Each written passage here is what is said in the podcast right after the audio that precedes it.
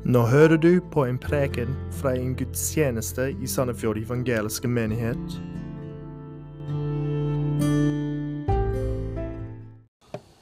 God formiddag. eh, God formiddag. Er det lyd på her? Nei. God formiddag. Kjekt å se dere. Um, håper dere har hatt en fin uke så langt, og at uh, noen av dere har iallfall høstferie. Eh, dere som går på skolen i Vestfold og Telemark, har i hvert fall det nå. Jeg håper dere får en, eh, får en fin og velsigna uke sammen. En av eh, Menneskets største svakheter er vår naivitet overfor trusler som er reelle, men som kanskje ikke er like synlige for det blotte øyet. Vår naivitet over faktiske trusler som ikke vi tar på alvor, til tross for at alle indikasjoner peker i retning av at vi burde være bekymra. Historien har flere eksempler på hvordan dette har påvirka land, nasjoner, kontinent. Eh, kanskje de mest kjente, naive sitatene vi har fra det 20. århundre, er da Newell Chamberlain sa 'Peace in our time', eh, som på mange måter oppsummerte en britisk og europeisk naivitet om trusselen fra Hitler og Tyskland i opptrappingen til andre verdenskrig. Tanken var at denne, dette ville ikke berøre oss. Vi er trygge her vi er. Og selv om Chamberlain kanskje har fått litt veldig mye pepper for det sitatet, så oppsummerte det en naiv holdning til en veldig reell trussel, som snart skulle vise seg å komme mye tettere på enn han tidligere hadde tenkt. Da Hitler etter hvert skulle bombe London i 57 strake dager, kun med én dags opphold, i starten av september 1940. Løftet om fred i vår tid var da et svunnet minne. Jeg tror som mennesker så er vi i det daglige minst like naive i å vurdere de trusler som vi står overfor. Og kanskje er det en slags overlevelsesmekanisme vi har for at ikke vi skal bekymre oss unødvendig, for at vi skulle kunne se litt lys på fremtiden, til tross for at fremtidstegnene kanskje ikke er så lyse. Som troende som har et ultimat håp og en endelig destinasjon som er håpfull, så har vi lov til å ikke la alle mulige slags bekymringer tynge oss for mye. Jesus sier selv i bergprekenen at en ikke skal bekymre seg for morgendagen. For morgendagen skal bekymre seg for seg selv. Hver dag har nok med sin egen plage. Så vi skal ikke bekymre oss. Men det betyr ikke at ikke vi skal ta Bibelens klare advarsler på alvor. Vi kan gjerne være litt naive i det daglige, være til dels bekymringsløse i møte med all verdens bekymringer som vi daglig blir bombardert med gjennom nyhetsbildet og sosiale medier. Men vi kan ikke være naive i møte med de trusler som Bibelen sier at kan skade våre og andres evige åndelige helse. Vi må ta Bibelens advarsler på alvor. Når vi da kommer til temaet trusselen fra de falske profeter, så har vi ikke lov til å være naive. Vi kan ikke ta lett på en trussel som er reell, og som vil få de mest alvorlige konsekvenser for dets offer dersom ikke vi er våkne og responderer slik som vi burde. Og Når vi nå går inn i 2. Peters brev, kapittel 2, så treffer alvoret oss for fullt. Der møter vi advarsler om onde ting som skal komme, og som skal skje. Advarselen er ikke gitt for å paralysere oss, men for å forberede oss. Det er ikke ment for å gjøre oss numne, men for at vi skal være klare og identifisere det når det kommer. Så la oss lese de første tre versene i 2. Peter 2 før vi ber sammen. Og da leser vi altså 2. Peters brev, kapittel 2, og vi leser vers 1 til 3. Men det sto også fram falske profeter i folket. Slik skal det også blant dere komme falske lærere, slik som lurer inn vranglærere som fører til fortapelse. De fornekter en herre som kjøpte dem, og fører over seg selv en brå fortapelse. Og mange vil komme til å følge dem på deres skamløse ferd. Og for deres skyld skal sannhetens vei bli spottet. Og i sin griskhet vil de utnytte dere til sin egen vinning med oppdiktede ord. Men fra gammel tid er ikke dommen over dem uvirksom, og deres fortapelse sover ikke. Kjære gode himmelske Far, takker deg for ditt ord. For at de både oppmuntrer oss når vi trenger det, og det advarer oss når det er reelle trusler vi står overfor. Og Nå ber jeg om at vi må kunne ta disse advarende ordene til oss, og at det må gjøre noe med oss. Jeg ber om at du velsigner studiet vårt nå. Jeg ber om at du velsigner fellesskapet også eh, etterpå. Eh, vær med unge og eldre og alle imellom, så vi kan få noe ut av det som blir sagt nå, kjære far. Og, og styr vår tanke og styr min tunge ved Den hellige ånd så vi kan formidle det som er sant, og det som er i tråd med ditt ord og din vilje. Og Vi ber alt dette i Jesu navn. Amen. Som vi har gjentatt kanskje til det kjedsommelige, så er det noen klare paralleller mellom tematikken og oppbygningen av andre, andre Peters brev og lignelsen om hveten, ugresset og høsten som vi finner i Matteus kapittel 13. Og Vi beveger oss nå fra tematikken i kapittel 1, som vi har kalt hveten, en beskrivelse av de troende og de utfordringer og formaninger som er gitt til dem, og de velsignelser de får.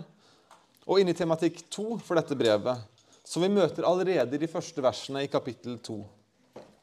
Hvis du husker tilbake til meg i Matteus 13, 24-27, kan vi gjenta litt av det som vi har gjentatt ved noen ganger, om lignelsen om hveten, ugresset og høsten. En annen lignelse fremsetter han for dem og sa.: Himmelens rike kan lignes med en mann som hadde sådd godt korn i åkeren sin. Mens folkene sov, kom hans fiende og sådde ugress blant hveten og gikk så bort. Men da strået skjøt opp og satte aks, da kom også ugresset til syne. Tjeneren gikk der bort til husbonden og sa, herre, herre, var det ikke godt korn du sådde i åkeren din? Hvor har den da ugresset fra? Og I forklarelsen til lignelsen som kommer litt senere i kapittelet, så sier Jesus den som sår det gode kornet, er menneskesønnen. Åkeren er verden, og det gode kornet er rikets barn. Og Så kommer vi til det som er temaet for, for både i dag og de neste søndagene. Ugresset er den ondes barn, og fienden som sådde det, er djevelen. Og høsten er ende på denne tidsalder, og høstfolkene er engler. Og menneskesønnen skal sende ut sine engler og de skal sanke ut av hans rike alt som volder anstøt, og de som lever i lovløshet, og de skal kaste dem i ilden. Der skal de gråte og skjære tenner. Og Når vi da er i kapittel 2 i Peters andre brev, så skal vi se, ikke bare i dag, men også i de kommende avsnittene fra dette kapittelet, at trusselen om vranglære, om ugress som sås i åkeren, om de falske profeter, i høyeste grad er reell. Og den er til stede også i dag, 2000 år seinere.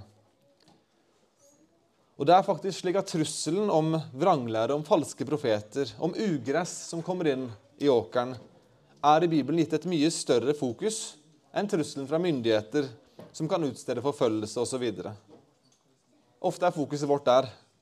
Men vi er kalt til å være rede for å bli forfulgt, til å lide for evangeliets skyld osv. Vi er ikke kalt til å akseptere vranglære i vår midte. Så vi er kalt til å ha en mye sterkere respons mot de som hevder seg å representere Gud og forsyner løgn, enn det vi er til myndigheter øh, og øvrigheter som kan være fiendtlig innstilt mot oss. I avslutningen av kapittel 1 ga Peter oss et av de viktigste argumentene for Bibelens autoritet, troverdighet og tilstrekkelighet som vi har.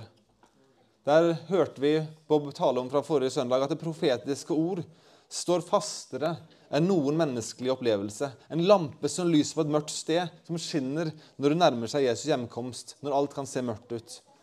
Guds eget ord, gitt av Gud til oss, Bibelen, for å kunne gi oss alt som vi trenger til liv og gudsfrykt. Så sier Peter at aldri er noe profetord brakt fram ved menneskers vilje, men de hellige Guds menn talte, drevet av Den hellige ånd. Merk dere at det var Den hellige ånd som driver menneskene til å tale. Det er Guds vilje som ligger bak. Og så skal vi merke oss at disse mennene er omtalt som de hellige Guds menn. Og Vi kjenner til mange av disse hellige Guds menn fra Det gamle testamentet. Og ja, Bibelen er tydelig på at ingen av dem, forutenom Jesus selv, var fullkomne i sin hellighet. Men Bibelen er også tydelig på at de etter hvert, og for det meste, levde i lydighet til det budskap som de selv formidlet. Ja, sine feil og mangler hadde de, men de var Guds heldige menn. Menn som var satt til side for sin profetgjerning og som på det jevne levde dedikert til Gud. Og Det er en veldig viktig kontrast å ta med oss når vi går inn i kapittel 2. Og Når vi får advarselen om de falske profeter i vers 1 her, så er den kontrasten veldig viktig å ha i bakhodet. For vi skal se i kapittel 2 at de falske profeter som sto fram, ikke var sendt av Gud, i kontrast til de sanne profeter som er sendt av Gud. De falske profeter taler det som oppkom i deres eget hjerte, eller det onde som lå på deres tunge. Det ser ut som den onde la på deres tunge. Og 2. Peters brev, kapittel 2, er også veldig klar på at disse mennene ikke er hellige menn. De er ikke Guds hellige menn, men de er skjødelige, verdslige menn med alt det som medføres. Så det er ikke bare en forskjell i hvem som har sendt dem. Det er, også, det er ikke bare en forskjell i budskapet de formidler. Det er også en vesensforskjell på det liv de lever, og de ting som de søker etter. Og Peters ønske med å advare om disse falske profeter er å gjøre de troende i stand til å kunne identifisere dem og deres lærere når den måtte komme. Så 2. Peter 2 er en fyldig og detaljert advarsel om farene som vranglære utgjør for de troende. Og Jeg vet ikke i hvilken grad du er bevisst på denne faren sjøl. I hvilken grad du tenker på dette som en trussel som du også må være forberedt på. Peter minner oss på i dag at vi skal være våkne og være klare til handling når den onde forsøker å ødelegge den åker som vår Herre sår i. Vi vil aldri klare å få slutt på vranglære som fenomen, men vi må forstå vranglærens natur, både for at vi skal kunne identifisere den når vi ser den, slik at ikke vi selv blir forført, men også for at vi skal kunne hjelpe andre som har blitt forført eller er på vei til å bli forført av usanne ting som har blitt forsynt, og som eksemplifiseres av vranglærere. Målet er med andre ord ikke å eliminere vranglærere som fenomen i verden. Det klarer vi ikke. Men for vår egen del å identifisere, korrigere og advare og ikke minst tale sant der vranglærerne taler vrangt. Så hvordan begynner avsnittet her? Men det sto også fram falske profeter i folket. Kontrasten er til de hellige Guds menn som talte drevet av Den hellige ånd. Dette er en henvisning til de profeter som før hadde talt. Men det var ikke bare hellige Guds menn drevet av Den hellige ånd som eksisterte i Det gamle testamentet. Det var også falske profeter som sto fram. Og det var ofte falske profeter i hopetall. Nå var det mange falske profeter som representerte avguder, Bal og Astarte osv. Men det er ikke disse som her er fokuset til Peter. Peter er ikke bekymra for profeter fra andre guder, men det er de falske profeter som gir seg ut for å snakke på vegne av den sanne Gud. Det er liksom de som er kalt i kategorien den ondeste form for, for falsk profet. De som gir seg ut for å representere den levende Gud, og som hevder å tale på vegne av Han. Og GT er full av slike. Jeg har en favorittprofet i Det gamle testamentet, profeten Jeremia. Eh, hans virke er kjennetegnet ved at han veldig ofte var den eneste profeten i landet som talte det Herren ville at han skulle si. Den eneste som talte sant. Men han var ikke den eneste profeten. Han var ikke den eneste som hevdet å tale på vegne av Gud. Hør noen utdrag fra Jeremia kapittel 5, fra vers 30 og 31. Forferdelige og avskyelige ting skjer i landet. Profetene profeterer løgn, og prestene styrer etter deres råd. Og mitt folk vil gjerne ha det slik. Men hva vil dere gjøre når enden på dette kommer? Guds dom var over folket, og den ville snart ramme folket ved det babylonske fangenskapet som skulle vare i 70 år. Og Problemet som Jeremia sto overfor, var ikke bare at folket var uvillig, at folket som helhet gjorde det som var ondt, men det var det at de som skulle være hans kolleger, samarbeidspartnere, de andre profetene, prestene i landet, de profeterte løgn. Og prestene trodde løgnen og styrte etter løgnen, og folket ville ha det slik. Og Det er ofte derfor falske profeter får en plattform. Fordi folket vil ha det slik. Fordi de vil si det som folket vil høre, det som klør i øret, for å bruke et bibelsk begrep. I 2. Timoteus 4,3 skriver Paulus til Timoteus det skal komme en tid da de ikke skal tåle den sunne lære, men etter sine egne lyster skal de ta seg lærere i mengdevis etter det som klør i øret på dem. Og Det er vel også beskrivende i vår tid, er det ikke? Hvis du sier det som folket blir glad for å høre, da blir du en folkets mann, en folket liker, en som folk stoler på og setter sin lit til. Og Derfor får de også ofte en plattform. Derfor har du menn som Joel Osteen, da, for eksempel, som er en, en mann som på en måte åpenbart sier ting som er usant, og, og motsetter seg evangeliet på så mange måter, men som likevel er så populær over så lang tid. Han sier det folk liker å høre, det som behager dem. Han gir dem en form for håp, et løfte om en positiv framtid. Og det er den store sorgen at menneskene som følger hans lære, ikke forstår at de i mange tilfeller setter sin lit til en løgn. Tenk på israelsfolket som hadde hatt profeter og prester som forsynte løgner.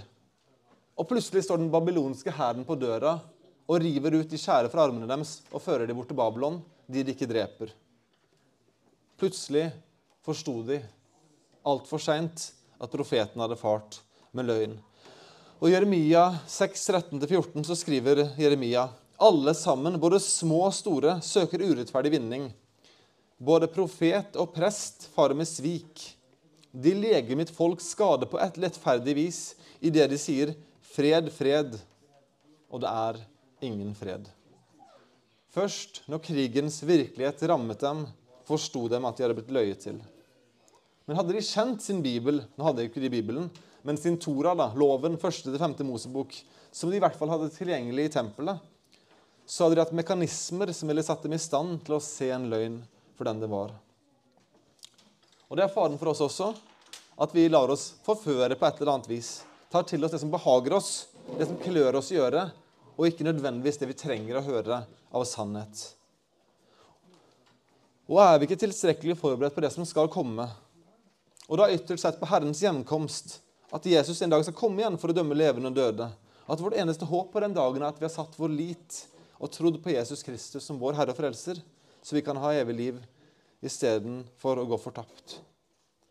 Det er sannheter vi må tviholde på, tale til hverandre, erkjenne sjøl.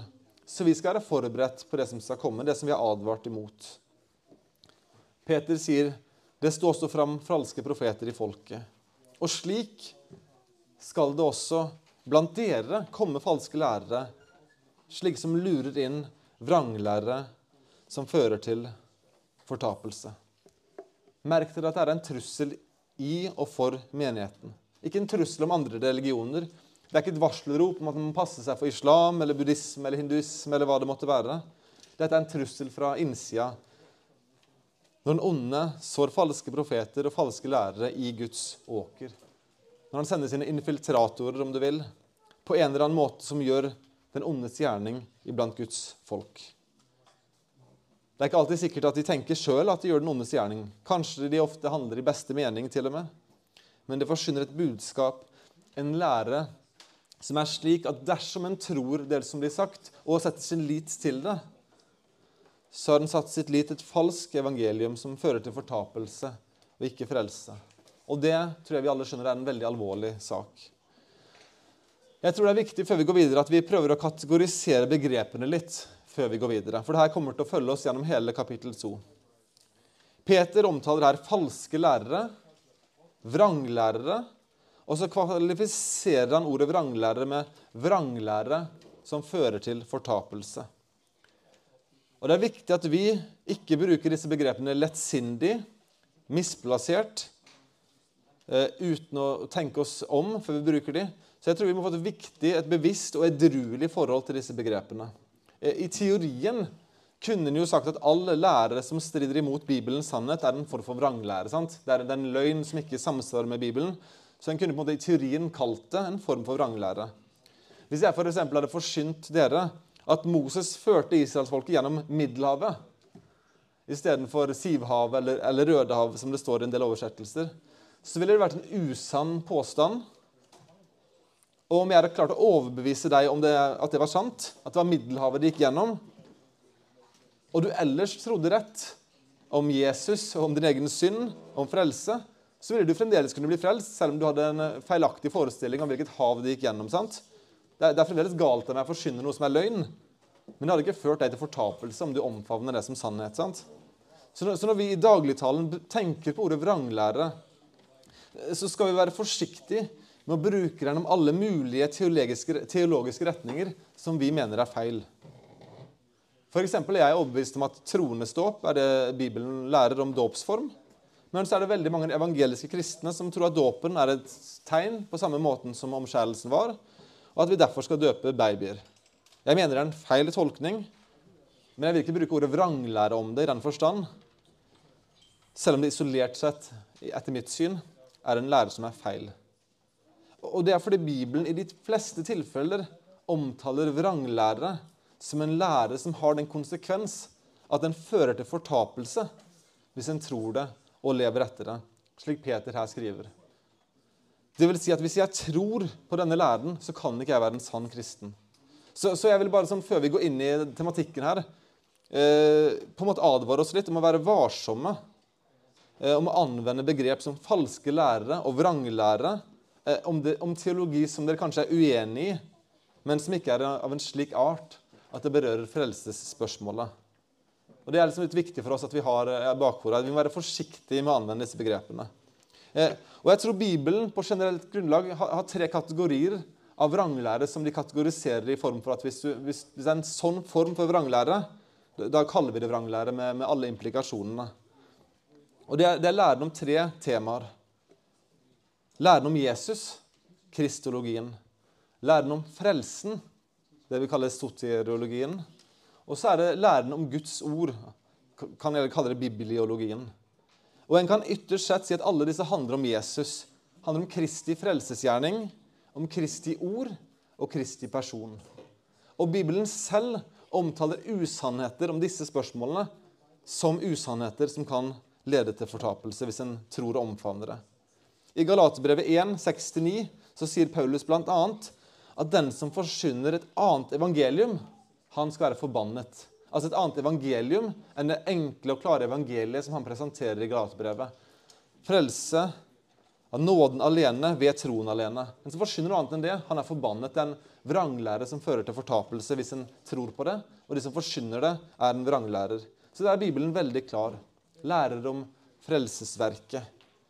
Eh, og Det samme kan han si om noen som undergraver sannheten om Kristi person.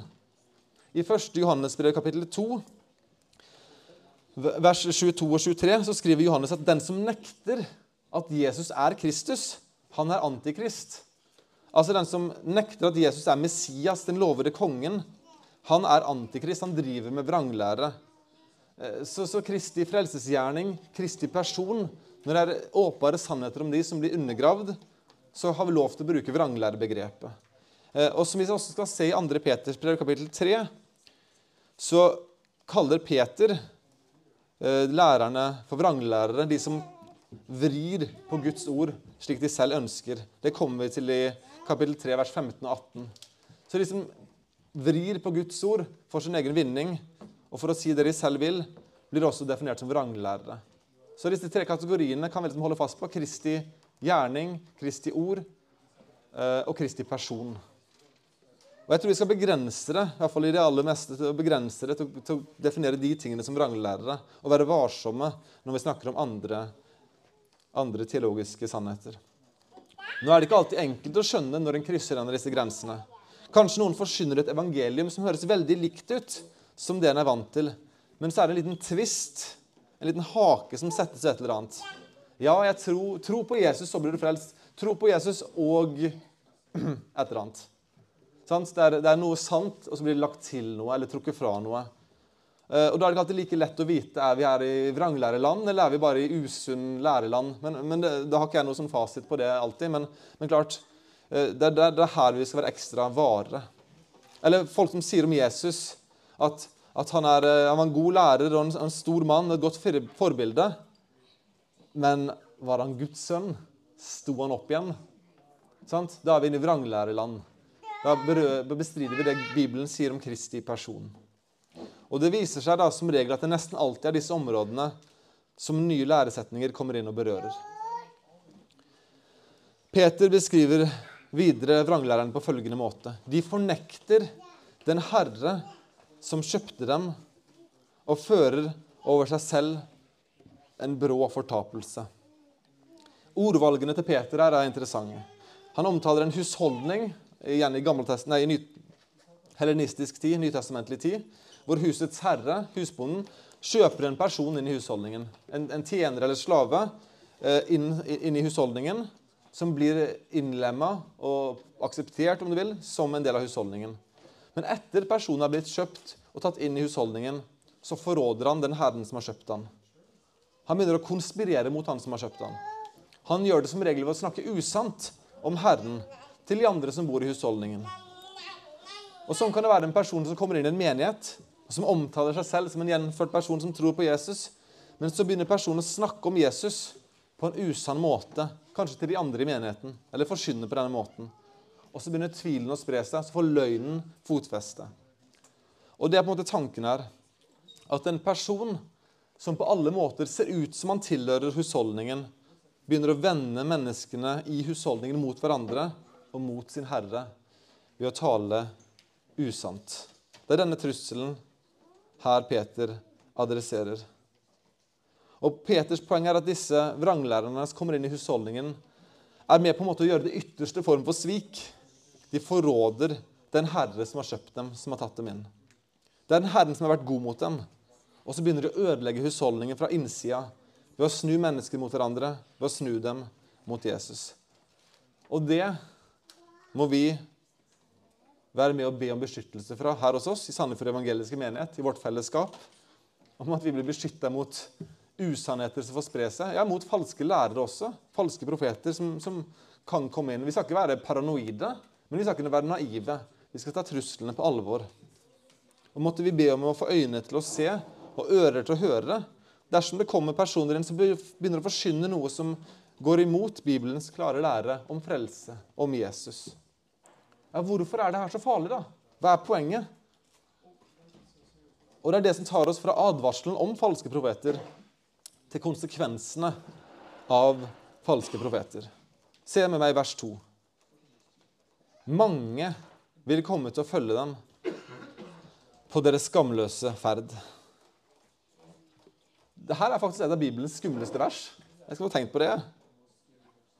Et av de versene som faktisk kan være med å skape litt frykt og litt bekymring. Peter sier på forhånd, før det har skjedd, mange vil komme til å følge dem på deres skamløse ferd. Mange. Det er ikke liksom et par, et par svake sjeler kommer til å følge dem. Mange kommer til å følge dem. Og det er et trist, et nitrist historisk faktum at Peter fikk rett, og han får rett. Der det kommer vranglærere, elegante med sine ord, appellerende med sin lærere, så får de ofte en stor følgerskare. Det skjer ikke bare med nye sekter som drar i en eller annen spesiell retning. Det skjedde med israelsfolket. Det skjedde under Jeremias sin tid. Nesten hele folket fulgte de falske profeter fordi de fortalte dem det de ville høre. Tenk på Israel under Jesu tid. Alle trodde ikke på, på vranglæren til, til sadukerene og fariseerne osv., men ganske mange gjorde det. De fulgte dem som folk. Og Derfor korsfesta de Jesus da han kom. Derfor ble det akseptert i folket at han skulle bli korsfesta. Trusselen blir her beskrevet som veldig reell, både fordi den er historisk dokumentert godt, og fordi det er det som er sagt at kommer til å skje. Vi må ta den skikkelig på alvor. Mange vil komme til å følge dem på deres skamløse ferd. Vi kan ikke la annen lære slippe inn. Og den beste medisinen hør den beste medisinen mot vranglære er at hver enkelt selv kjenner sin bibel og kjenner Jesus. Vi som lederskap har en hyrdefunksjon, en oppgave med å verne om den sunne lære, formidle sunn lære, og ved behov korrigere usann lære. Men alle har et ansvar også. Et ansvar for dere sjøl, for hverandre, for deres barn. Kjenn deres bibler, og, og, og i forlengelsen av det, kjenn forfatteren lever nært på Jesus, så er det ganske vanskelig å overbevise dem at han er eller gjør noe som du vet og har erfart ikke er sant. Men om du lever fjernt fra han, om ikke du har en daglig relasjon med han, hvor mye lettere er det ikke da å tro på en løgn om han? Sånn er det nesten med alle fordommer vi, vi blir utsatt for òg. Eh, det er veldig lett å bli overbevist om at en folkegruppe eller etnisk gruppering er sånn eller sånn. Det er lett å ha generaliserte fordommer, f.eks. For Men fordommer kan brytes fort ned når en faktisk blir kjent med noen fra folkegrupper, og så innser de seg nei, alle er kanskje ikke sånn, eller uh, ja, osv. Kanskje jeg bare har forstått en del av sannheten. Jeg tenkte på et sånn, kall tåpelig eksempel. da.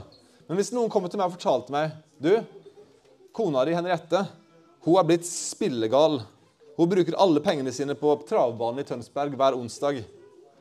Eh, og, og, bruker opp alle pengene sine, så ville det vært veldig lett for meg å avsløre det som en løgn. Eh, for det første så er jeg eh, veldig ofte sammen med Henriette på onsdager. I det samme tidsrommet. Jeg vet ikke om det er trav eh, i Tønsberg på onsdager. altså. Var, la oss anta at det er det. Trav på travbanen i Tønsberg hver onsdag. For det første er jeg sammen med henne i dette tidsrommet veldig ofte. For det andre så er det ganske ulikt hennes karakter. En, en sånn form for avhengighet. Det virker veldig sånn urart henne. Og for det tredje er ikke hun interessert i hester. Eh, ikke at det er noe galt med det, altså, eh, for all del, men, men, det er ikke hennes eh, store interesse. For det fjerde så vet jeg stort sett hva pengene våre blir brukt på, sånn i det, i det jevne. Nå har ikke jeg sånn, en gjennomgang av hennes kortbruk hver måned, men vi får, vi, i grove trekk så vet vi hvor pengene ender opp. Og det er ingen store summer som ender opp på travbanen.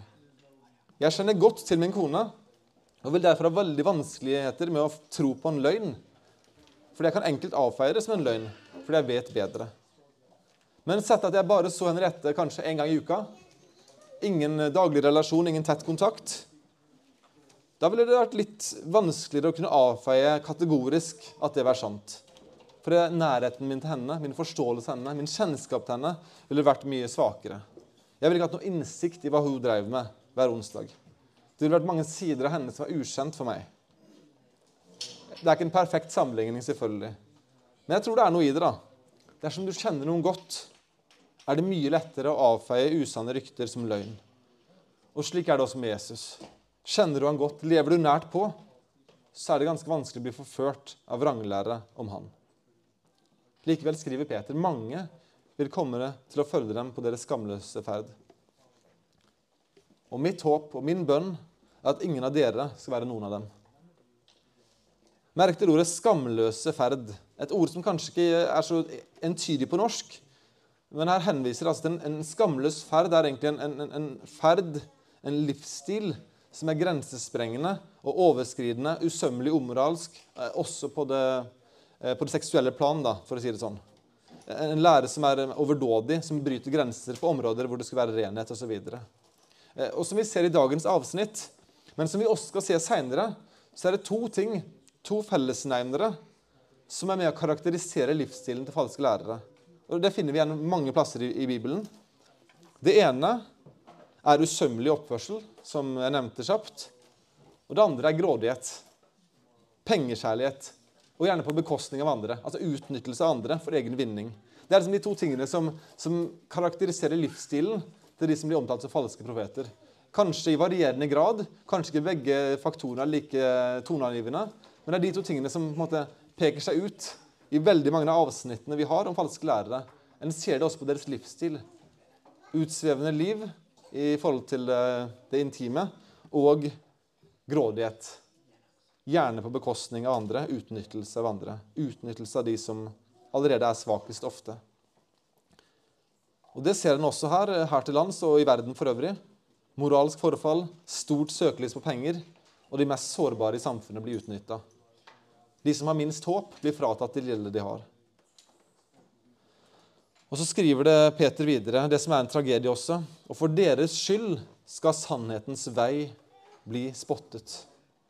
Tenk det er mennesker i denne verden som har hørt om kristendom, og i Norge også, men som veit veldig lite om hva det handler om. De veit veldig lite om Jesus.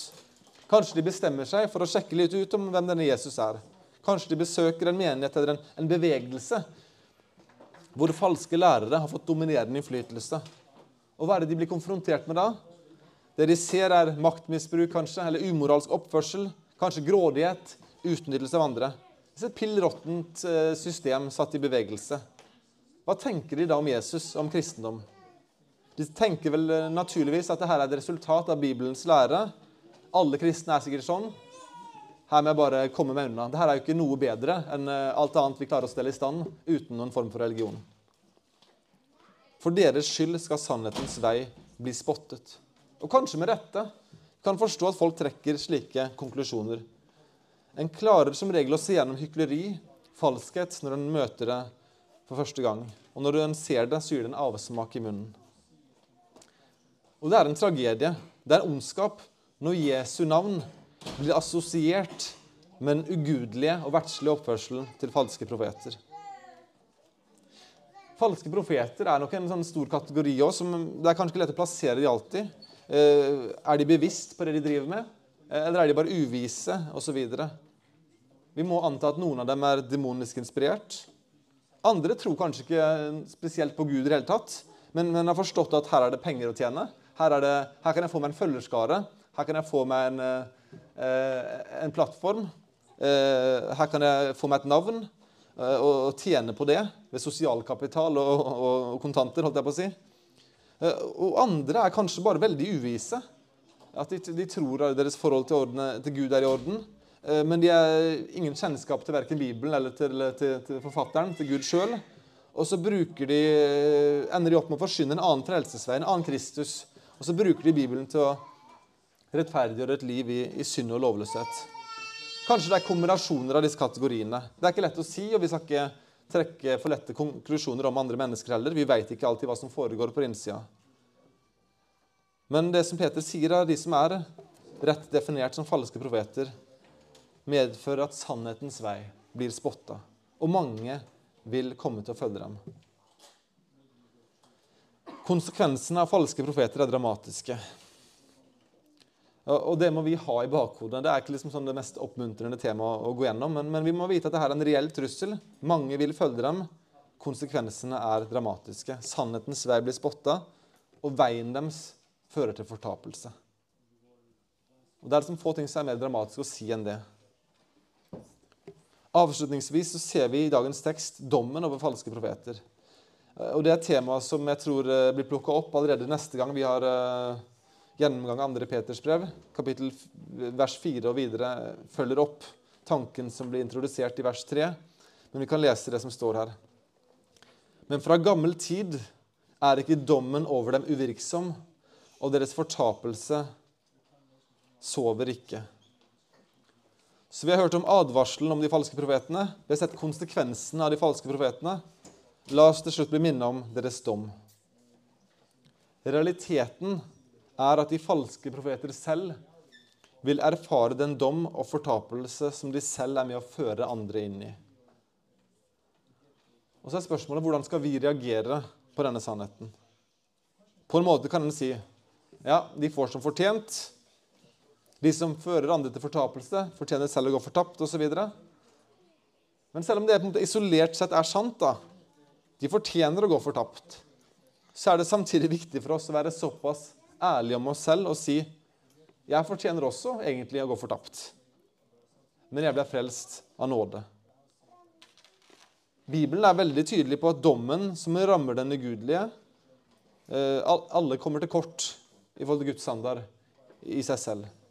Og Bibelen er også klar på at de som lærer andre, profeter, prester, pastorer, skal få strengere dom. Jakob 3,1.: Mine brødre, ikke mange av dere må bli lærere, for dere vet at vi skal få desto strengere dom. Eh, og enda sterkere i Matteus 18, vers 6, eh, når Jesus har det som kalles disippeltalen sin. Siden den som forfører en av disse små som tror på meg. For ham var det bedre om en kvernstein ble hengt om halsen på ham, og han ble senket i havets dyp. Det er en digresjon, da, men det er en av grunnene til at eh, prestene fra gammelt av hadde prestekrage. Det skulle minne dem om, om advarselen i Guds ord om om, om, det som skulle tynge rundt dem. Eh, eh, det, det, var bare digresjon, da. Men jeg skulle minne dem på det her. At det, det er en symbolsk kvernstein som henger der, klar til å dra dem ned hvis de forfører Guds folk. Eh, og Vi må bli minnet om denne sannheten, og jeg som pastor i menigheten her må bli minnet om denne veldig, veldig edruelige sannheten. Jesus sier videre i vers 7 i Matteus 18.: Ved verden for forførelser, for forførelser, forførelser må komme, men ved det mennesket som forførelsen kommer ved. Å være en forfører i bibelsk forstand som fører mennesker vekk fra sannheten, vekk fra Jesus, vekk fra Bibelens klare budskap og inn i tåka eller mørket, er i Jesu øyne den, den største form for ondskap. Og det må vi minne oss selv om. Jeg må minnes mitt ansvar. Og for alle andre som måtte kanskje høre denne talen i opptak en gang, som er pastorer og hyrder i andre menigheter, så gjør de vel å høre advarselen som Jesus gir, og som Peter også gir her i vers 3. Fra gammel tid er ikke dommen over dem uvirksom, og deres fortapelse sover ikke. Dommen ligger over de som fører de små i Guds rike, som tror på Jesus, prøver å føre de bort ifra Han. Så hvem enn som hører disse ordene, må være advart. Bedre med en kvernstein rundt halsen, sunke på havets dyp, enn å forføre ett av Jesu barn. Så de falske profeter skal være advart. Men vår respons som troende skal ikke være en slags skrekkblanda fryd om at de falske profeter får den dom de fortjener. Nei, vi får lov til å ha en form for avsky for de onde handlinger de utfører, hvordan de utnytter mennesker og, og lyger til dem. Samtidig må vi ha en form for medfølelse og barmhjertighet for den dom som ligger over dem dersom de ikke omvender seg fra sin onde vei. Vi skal advare imot de falske profeter, men vi bør også advare de falske profeter selv om den dom som henger over dem, hvis vi får anledning. Vi kan be for dem at Gud må dem, gjøre et verk i deres hjerter, så de kan komme til tro på den sanne Gud, som de fornekter med sine ord og sin livsstil. Deres dom er over dem. Det er forferdelig å havne i den levende Guds hender uten at den er dekka av Jesu dyreblod. Og det må alle falske profeter høre like tydelig som alle andre mennesker som trenger Jesus. Hvis jeg skal oppsummere da, hvordan vår respons til det avsnittet burde være, så tror jeg det må være følgende. Vi må være bevisst på at trusselen er reell. På et eller annet tidspunkt, på en eller annen måte, enten i vår menighet eller gjennom andre menigheter vi kjenner til osv., så, videre, så kommer vi og du til å bli konfrontert av falske profeter med falske lærere. Det tror jeg vi kan si ganske sikkert at kommer til å skje. På et eller annet tidspunkt. Det beste du kan gjøre for å være forberedt på det, så du ikke selv skal falle i løgnens fristende felle, er å leve nært på Gud gjennom å studere Hans ord, be til Han, leve i fellesskap med Han. Lev nært på Jesus, både fordi det er godt for deg uansett, men også for at du skal bli beskytta mot de som ønsker å lure deg vekk fra hans trygge favn. Lev nært på Jesus gjennom fellesskapet med andre troende. Gjennom å tilbe han, synge til han, høre om han. La Jesus ha den plassen han fortjener og krever i våre liv, som Herre og Frelser. Følg Jesus tett på, så vil du være godt rustet til å se løgnen når du blir konfrontert med den. La oss be sammen. Kjære gode himmelske Far. Eh, vi takker deg for at ditt ord er uh, sant, og at det taler uh, oppmuntrende til oss når vi trenger det, og at det advarer oss om de trusler som du mener at vi, uh, vi må ta hensyn til og være forberedt på, kjære far. Og, og kjære far, jeg, jeg, ber, jeg ber nå for hver enkelt her. Jeg ber om at du må beskytte oss mot den onde, og jeg ber om at du må beskytte oss mot den onde ved at vi i enda større grad forstår hvor fantastisk Jesus er. Hjelp oss til å leve i nært fellesskap med han. Hjelp oss til å bekjenne våre, våre synder til han. Du ser vi så ofte feiler og vi så ofte gjør, gjør galt. Hjelp oss til å komme med han og bekynne våre synder for, for, til han og våre synder for, for deg. Og så er du trofast og tilgir oss, og, og vi, vi, kan ha en daglig og tett relasjon på Jesus.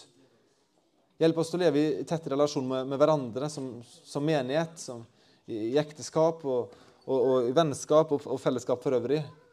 Hjelp oss til å, til å, leve nært på deg gjennom å leve i, i forsoning og harmoni de oss, med de rundt oss.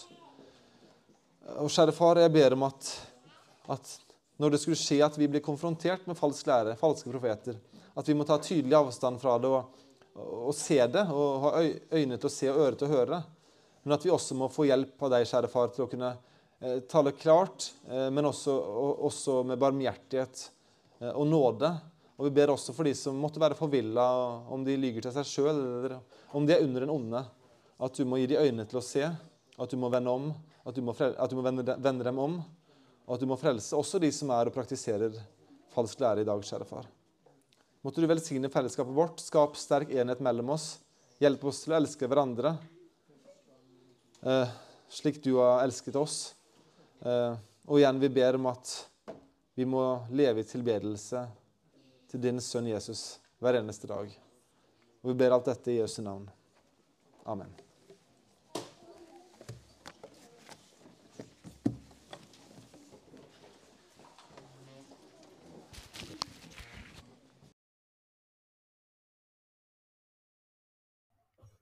Takk for at du hørte på denne prekenen. Ønsker du mer informasjon, besøk sandefjordevangeliske.no eller vår Facebook-side Sandefjord evangeliske menighet.